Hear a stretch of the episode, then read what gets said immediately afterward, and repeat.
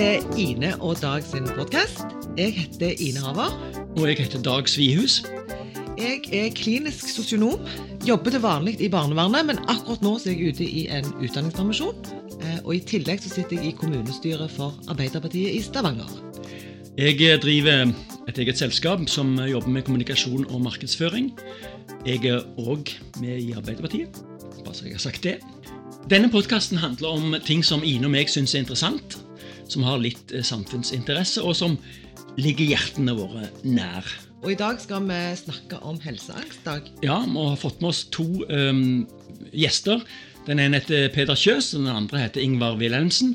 Mange kjenner de, og de skal vi komme litt tilbake til um, etter hvert. For meg og deg så betyr jo helseangst noe spesielt. Mm. Og det er jo fordi at, at, vi begge to har det. Og egentlig så syns jeg det er litt flaut å si det høyt. Men, men eh, når eh, vi har kommet i den situasjonen vi har kommet i, der er en pandemi i Norge, der er et virus som truer hele befolkningen, eh, så slår jo denne her helseangsten ut hos meg for fullt. Jeg har bare lyst å gå og legge meg i senga og bli liggende der. Lenge, helt til dette er over. For meg så har det slått ut litt annerledes. Jeg, jeg uh, har faktisk opplevd at jeg har fått litt ro av dette. For i, i, i, motsetning til at jeg går rundt og bekymrer meg for innbilt sykdom, som, som helseangst eller hypokondri er, så har jeg nå noe helt konkret å forholde meg til. Jeg kan, jeg kan gjøre eh, konkrete ting, jeg kan ta, gjøre konkrete tiltak um, som, uh, som hjelper meg og andre. Så mm, vi er litt ulike der. Mm. Men da er det jo fint at vi har hverandre, og så kan vi jo hjelpe hverandre. For det er jo det dette her handler også om i disse dager. Det å være, slå, stå sammen og ha, ta en dugnad. Ja. Dette kommer Ingvar Wilhelmsen og Peder Kjøs til å ta opp litt seinere i sendingen. Ine, du og meg har helseangst. Hvor lenge har du hatt eh, det problemet? Eh, jeg har hatt eh, helseangst siden 2012. Eh, da mista jeg eh, min søster i kreft. Eh, og de første to åra etter det var egentlig veldig krevende. Jeg ville ikke reise egentlig vekk. Jeg ville egentlig bare være på Våland, der jeg bodde, for det var bare fem minutter fra, fra sykehuset. Jeg hadde ikke lyst til å være på Øyer, for det var langt fra sykehus. Jeg ble satt veldig tilbake i forhold til livsutfoldelse, og jeg bekymra meg hele tiden. Du visste at det var et sykehus i nærheten? Bare fem minutter eh, fra, fra der du sjøl bor. Eh, men nå, nå, hører vi jo at noe av det som kan bli problemet, er jo faktisk kapasiteten på sykehusene. Hva, hva har det gjort med deg? Nei, Det gjør jo at jeg tenker at det, det er jo ingen plass som er, er trygge nå. Eh, og det trigger jo hele denne helseangsten min, som gjør at jeg går med skuldrene langt over hodet. Og egentlig har litt sånn tunge og vanskelige dager, hvis jeg kan få være så ærlig og si det. Mm. Skal vi snakke med noen eksperter? Ja, det syns jeg.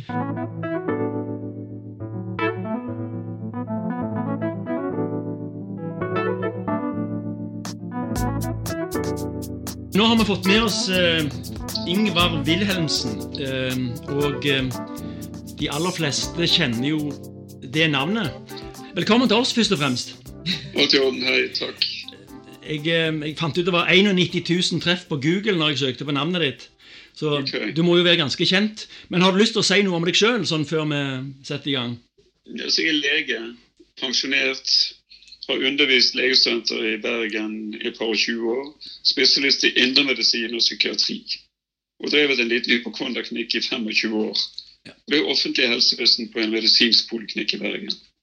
Dagens tema, som er noe som, du er, som er midt i smørøyet for deg, det er jo helseangst. Og mm. når vi snakket på forhånd, så sa du at Altså I disse koronatider så er vi på en måte i gang med en kollektiv øvelse i å mestre usikkerhet. Ja, og risiko. Og risiko. Kan, kan du utdype det? På individplan, eh, også som kollektiv, så får vi nå en øvelse, det mener jeg faktisk, i å tåle usikkerhet og risiko. Egentlig er jo alt usikkert hele tiden, mm. men det er ikke så tydelig for oss. Men det skjer katastrofer rundt omkring. Folk får kreft, tsunamier, kriger. Det som er nye nå, er jo at alle rammes over hele verden. Mer eller mindre samtidig. Mm. Og folk som har angst til vanlig, de vil ha kontroll. Det vil vi i grunnen alle. Mm. Men de prøver å kontrollere ting som er ukontrollerbare. Og nå eh, kan vi alle, og Jeg har snakket med deg hypokondere som syns det er litt greit nå for tiden. For nå kan alle se hvordan vi har det til vanlig. For de har jo angst til vanlig, og nå har alle det. Og vi skal ha det, mener jeg. For de som ikke har angst i dag, de gjør ikke det de skal. Det er angsten som driver oss til å lytte på de rådene vi får, være lojale, stå sammen. Det som ikke er nyttig, det er å katastrofetenke på ting, altså tanker så, der svaret ligger i fremtiden. Det er en unyttig angst. Ligge og gruble og bekymre seg. For det er helt naturlige spørsmål. Hvordan kommer det til å gå? Blir jeg syk? Kommer bestefar til å dø? Det er helt ok spørsmål. Problemet er at svaret ligger i fremtiden. Så når jeg sier at det er en øvelse, så skal vi skille den nyttige fra den unyttige angsten. Mm. Men, men, for oss som har eh, helseangst, så er det jo veldig, høres det veldig lett ut, det du sier. Eh, men så opplever vi det at denne frykten og denne redselen tar jo lett kontroll. ikke sant? Som gjør at vi tenker urasjonelt. Og hva, hva råd vil du gi til oss? her? Jeg tror ikke at angsten tar kontroll. Da er det du som gir han kontroll. ja. altså, for Du kan ikke hindre katastrofetanker å komme. Men hver enkelt av oss må bestemme hvilke tanker vi gir kraft og næring. Mm. Sånn at, altså hvor mye du bruker, Hvis du for begynner å gruble og bekymre deg over en tanke, og følger den til du ligger i respirator og eventuelt er begravet, mm. så gir du den tanken kraft og næring.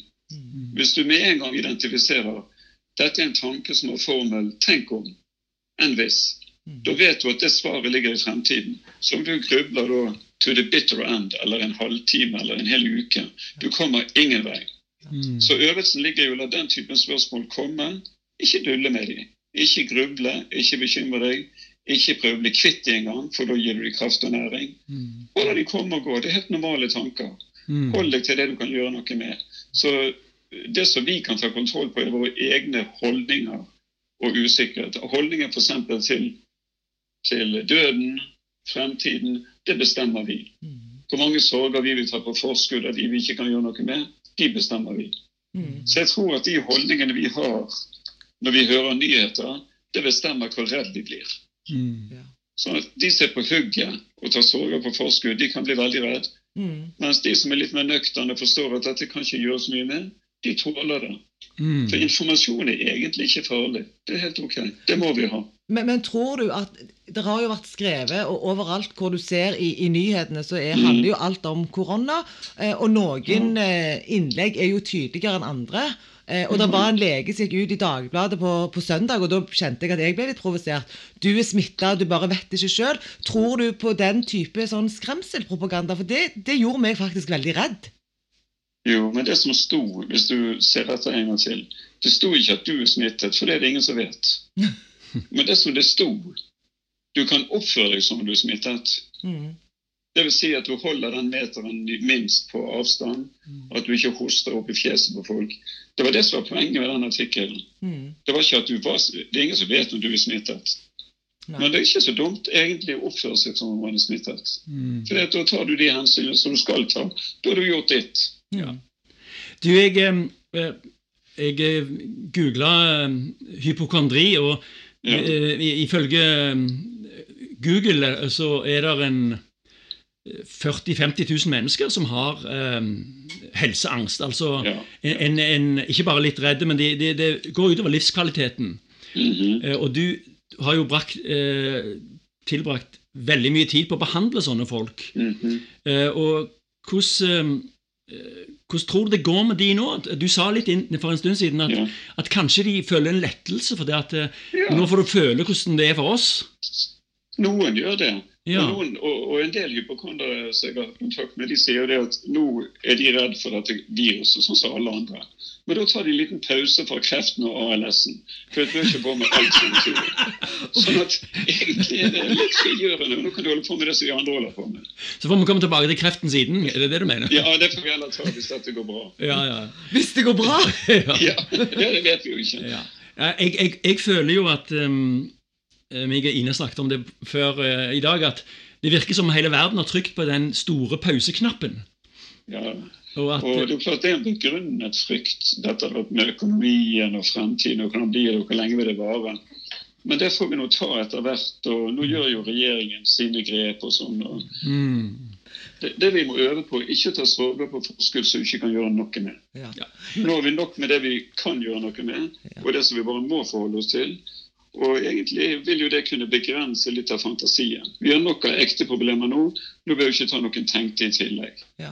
Men en, en ting sånn litt sånn eh, avslutningsvis. Eh, Ja. jeg tror jo at det er mange som har eh, helseangst og som kjenner på en veldig sånn skamfølelse. At det, dette er egentlig flaut. ikke sant? Eh, fordi at det eh, der er folk som sitter i eh, flyktningleirer i Soria Moria. Eh, der er rusmisbrukere, der er barnevernsbarn. Eh, og så sitter man sjøl og er så opptatt av seg sjøl og er så redd. Men, men det er jo fordi man ikke egentlig kan for det. Ja, altså, men hvis man er flau for å si at man har litt mye angst for ting som ennå ikke er bekreftet, og egentlig, og, så er det nesten en slags innsikt i at det kanskje ikke er nødvendig. Det er ikke så lurt. Mm. For hvis, du, hvis du har holdninger som blir flau av å si høyt, Ja. så kan det hende at det er litt innsikt i at det er litt overdrevet. Og Da kan vi heller dempe de til et nivå sånn at du kan si de høyt uten å bli flau. Mm, mm. Ja. Ja, det, det, var, det, er- det var faktisk eh, en ny, en ny vri. Du er ganske god på å eh, ordlegge deg, eh, Ingvar. Det er du. Det er sånn man nesten ikke, det er sånn man nesten ikke lyst til å snakke med deg. Kan vi ikke bare holde det gående liksom, i et par døgn, nå, så vi får roe oss ned her? Jo, det var det. Ja. Men ok Um, um, Jeg tror vi må runde av. Ja. Okay. Eh, Vi skal ikke bruke hele dagen din. ehm, ehm, men ehm, hvis du avslutningsvis skulle gi ett råd, altså det beste rådet for folk som har helseangst Ikke for de, eh, eh, alle de andre, men de som virkelig har, har problemer med dette og har hatt det lenge. Hva skulle det være? Nei, nå er ikke jeg sånn som kan gi råd til folk. Det eneste er at hvis, du målet, hvis målet ditt er å, å få mindre angst, hvis det er målet, Ja. Da må du velge deg en ny holdning til katastrofetankene dine. Mm. Da kan ikke du ta dem så fryktelig alvorlig. Det er nå tross alt bare hendelser i sinnet, og det er jo ikke så interessant. Det som er interessant, er hendelser i virkeligheten, og det må vi skille mellom. Ja. Ekte kreft er en sykdom, tanken på kreft er en tanke, Ja. og det må ikke vi blande. Sånn behandlingen er veldig forskjellig, og prognosen òg. Mm. Supert, Ingvar. Nå, nå, nå okay. Ok. sier vi tusen takk til deg. ja. Ehm, og så eh, lykke til. Og så um... Må du holde deg frisk? Ja. Ja, jeg gjør det så godt jeg kan. Sitte nå her på Ja. kontoret. ja. Ja. Ok. Ha det godt. Ha det. Ha det. Ha det. Ja, Ine, hva, hva sitter du igjen med nå? Nei, jeg, jeg sitter igjen med det at jeg syns Wilhelmsen er en utrolig klok mann. Jeg syns det er godt å høre på han. Eh, Og han gjør, klarer å gjøre meg litt roligere. Og jeg har jo egentlig bare lyst til å, å reise til han og bare flytte inn. Mm. Ja, han, han, eh, han er jo kjent for mange som en, en veldig dyktig foredragsholder, og, og jeg tror mange er litt sånn eh, Litt mer lettere når de går ut fra de foredragene enn når de kommer inn. Ja, for han hjelper oss å, å se ting litt sånn i perspektiv. Hva er det? Hva er hva? Ikke sant? Og bare trekke, ta pusten og eh, liksom trekke seg tilbake. Og, og liksom, hva er dette? Hva er hva? Så berørte han jo dette som jeg sjøl òg har følt på, det, dette med skammen for å ha helseangst. At, eh, at vi tør ikke si det. Jeg, jeg, jeg, det gikk jo lang eh, tid før jeg sa til legen min, fastlegen, at jeg, at jeg hadde det. Og det, det, var, det hadde jo han vært klar over lenge. Eh, Men eh, det som Wilhelmsen sier, er jo at, vi, at det at du har en slags skam for det, er et slags signal på at kanskje er det bare innbilt. Mm. Og, og, og at du da kan revurdere eh, hele den situasjonen du står i, og, og, og slappe litt mer av. Ja, jeg syns det var veldig fint å, å prate med han i dag.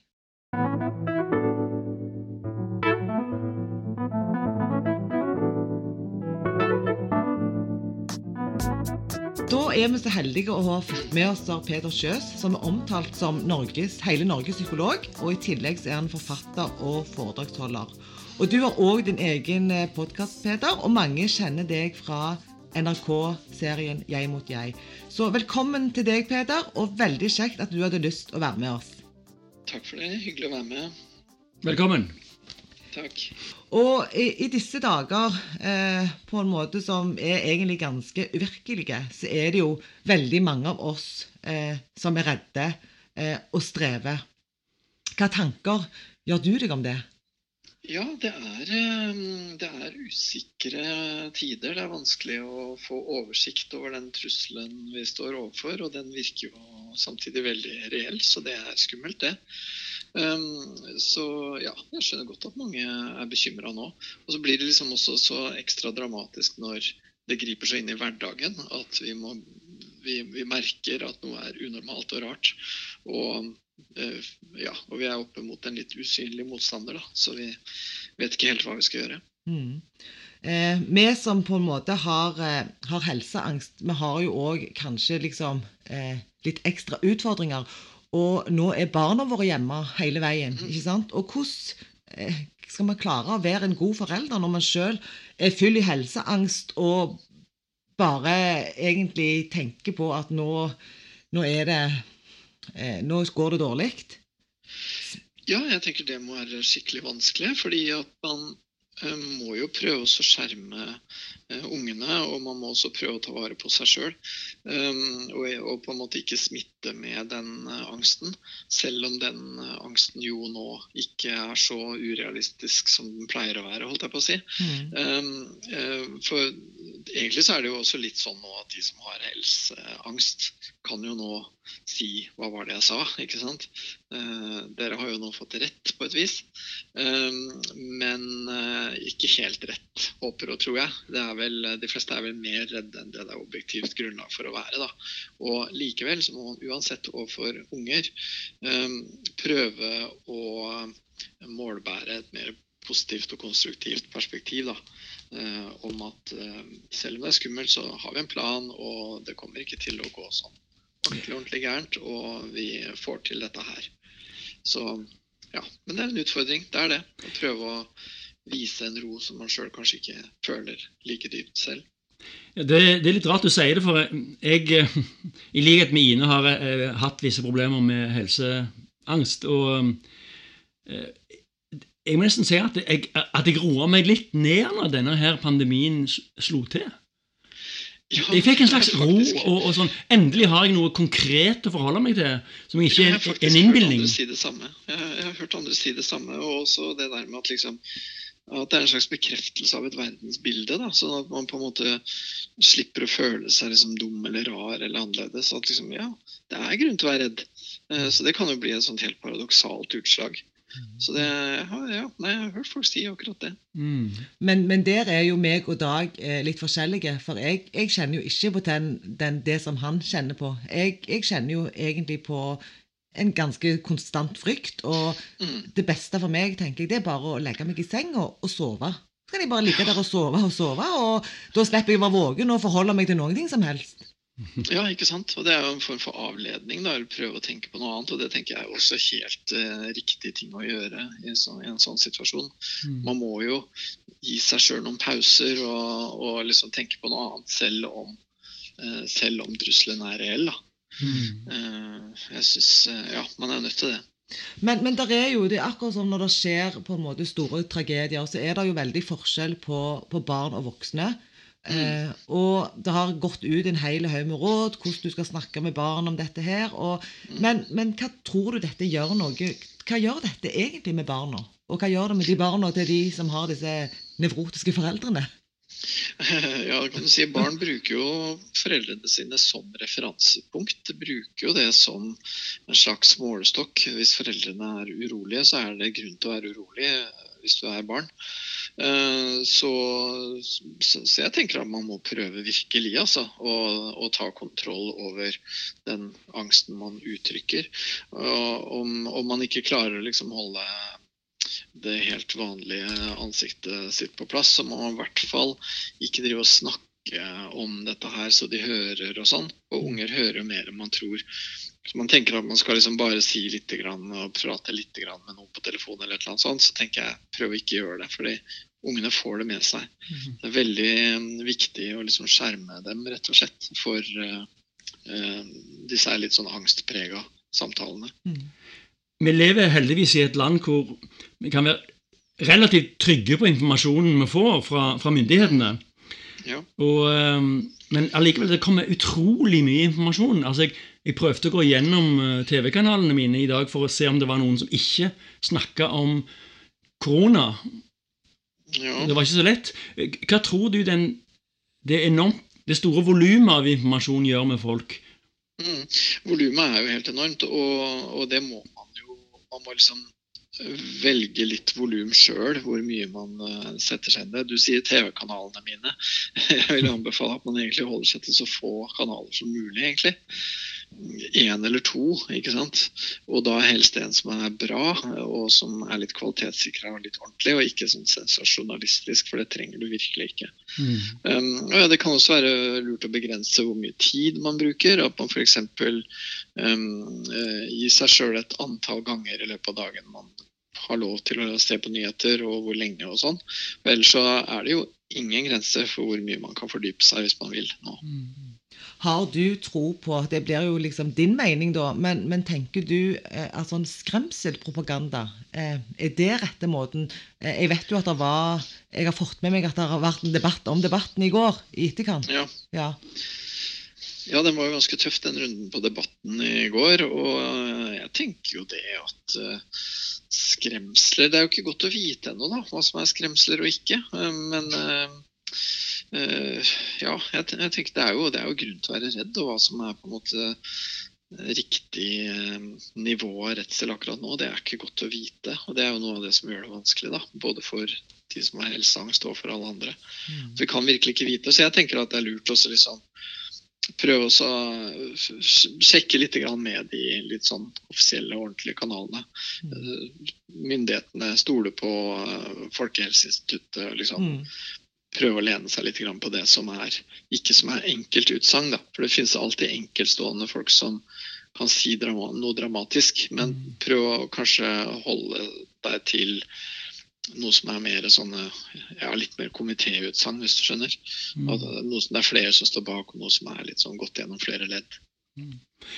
Vi er jo veldig sosiale, de fleste av oss, og, og ja. i, i, disse tider så får vi nesten en slags restart på hele på måten vi er sammen.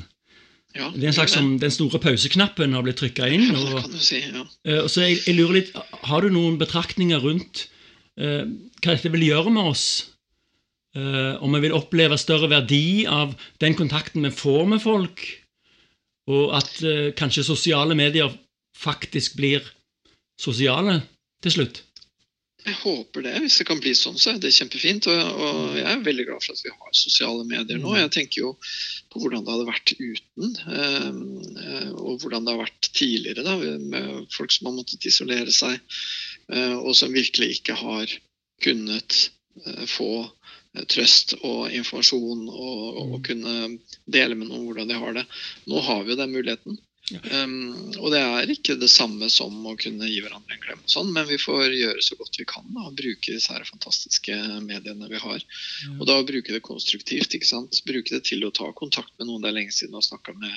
Mm. Holde kontakt med noen som du tenker kanskje trenger en prat, mm. og også prate med noen når du sjøl trenger det. da. Mm.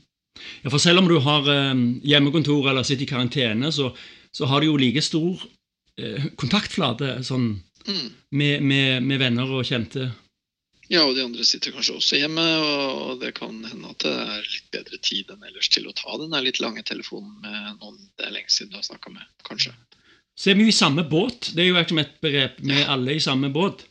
Ja, og, det, til, det sosiale, til det du sa om det sosiale, så håper jeg jo det. At, at når vi kommer ut på den andre sida, så vil vi føle det at vi satt i samme båt, og vi klarte det, og vi holdt sammen. Og vi lot oss ikke splitte mm. av uh, alt det rare som skjedde. Mm. Men at vi, vi, gjorde det sammen. Ja. Men, men, jeg tenker jo òg litt sånn, sånn, Peder, at det er jo veldig mange i Norge eh, som har helseangst. Eh, mm. Eh, psykologer har stengt ned. Det er jo ikke sikkert det er psykologer som er tilgjengelige på telefon til alle. Hvem skal de på en måte, Hvor skal de henvende seg? Hva er gode plasser? Ja, Noen av disse hjelpetelefonene, da, de vanlige, si, de er jo operative, så vidt jeg vet. Eh, og har mye pågang og er gode å bruke. Og det tenker jeg også at eh, mange av de som kanskje ikke har helseangst, og som har litt ekstra tid, kan vel nå kanskje også eh, gjøre en fin frivillig innsats der, hvis de har lyst. Mm. Um, for, det, for, det, kommer til å trengs. Ja. Um, og mange har kontakt med terapeuten sin på andre måter. Da, på elektroniske kanaler eller bare med tekstmeldinger eller e-post eller noe sånt. Ja. Det er eh, det lages jo sikre løsninger for både kontakt med leger og psykologer eh, nå, for de Ja. som er opptatt av det. Det som jeg synes er litt fascinerende, Du har jo skrevet to bøker. Den ene heter 'Alene'. Den andre heter 'Angst'. Eh, jeg tror Det er veldig to treffende titler som kanskje kan være lure å lese i disse dager. de ble litt mer aktuelle enn jeg hadde sett for meg, og på en måte som jeg ikke er udelt glad for, det må jeg si. Men hvis folk kan ha nytte av de bøkene nå, så er jeg jo kjempeglad for det. Jeg, jeg har bare lyst til å spørre hvordan, hvordan du ordner det i din hverdag nå. Du har jo òg bruk for å være sammen med, eh, med pasienter eller med, med de, du, de du skal ha kontakt med. Eh, Hvordan er det for deg? Jeg er jo for det meste hjemme i leiligheten nå, sammen med familien min, eh, heldigvis. Eh, Alle er friske. Um, eh, All kontakt med omverdenen er jo nå elektronisk, egentlig. Um, Det er veldig mange av mine oppdrag. Jeg holder på mye med foredrag og undervisning og sånn. Alt det har jo nå falt bort. Så, så jeg prøver å skrive og holde kontakt med folk på de måtene jeg kan, da, med disse mediene. Men eh, jeg vet ikke. Jeg, nå har ikke jeg så veldig helseangst, egentlig, men jeg begynner vel å kjenne at eh, jeg savner å være ute blant folk. Jeg må si det. Ja. Ok, men eh, tusen takk, Peder, for det at du tok deg tid til å være med oss. Det satte vi veldig stor pris på. Og så satser vi på at vi alle holder oss friske, og så får vi med helseangst bare jobbe ekstra mye med oss sjøl for å klare å håndtere hverdagen. Jepp, gjør det, og støtt hverandre, og ring en venn. Det er det beste du kan gjøre. Ja, Greit. Takk for det. Tusen takk. Ha det bra. Takk. Ja, hva sitter du igjen med, med nå, Dag? Jeg ble jo Det er jo betryggende å høre han òg, Peder Kjøs. Og, og ehm, vi er jo inne i en, som, som jeg nevnte, en kollektiv øvelse for å mestre usikkerhet. Vi vet ikke hvor vi skal hen. Vi vet ikke hvordan dette kommer til å ende, men alt vi vet, er jo at vi har hverandre. Mm. Og, og, og at når det gjelder rent det, det fysiske, det vi kan gjøre helt konkret med, med smitte og sånt, det, det, det må vi bare være knallharde på. Mm. Og, og ikke, ikke smitte hverandre. Og så håper jeg jo at eh, for de som har lytta på oss i dag, eh, som òg drevet med de samme tinga som, som meg og deg, eh, har fått noe ut av dette. Mm. Helt til slutt så vil jeg bare gi noen råd om hvor du kan finne mer informasjon om helseangst, eller hypokondri, som det heter. Eh, Universitetet i Bergen, hvis du går inn på uib.no, har eh, veldig godt opplegg eh, som informerer om helseangst. Eh, Mental Helse Norge, som er på nettadressen er mentalhelse.no, de har en del. Og så eh, er det noe som heter Angstringen, som er et sted. Angstringen.no. Der òg er det mye informasjon. Men da skal vi takke av for i dag og håpe at alle bare får en best mulig dag. Eh, Ja. Snakkes vi om ikke så lenge. Da kommer vi med en ny podkast. Det gjør vi. Takk for i dag. Ha det bra!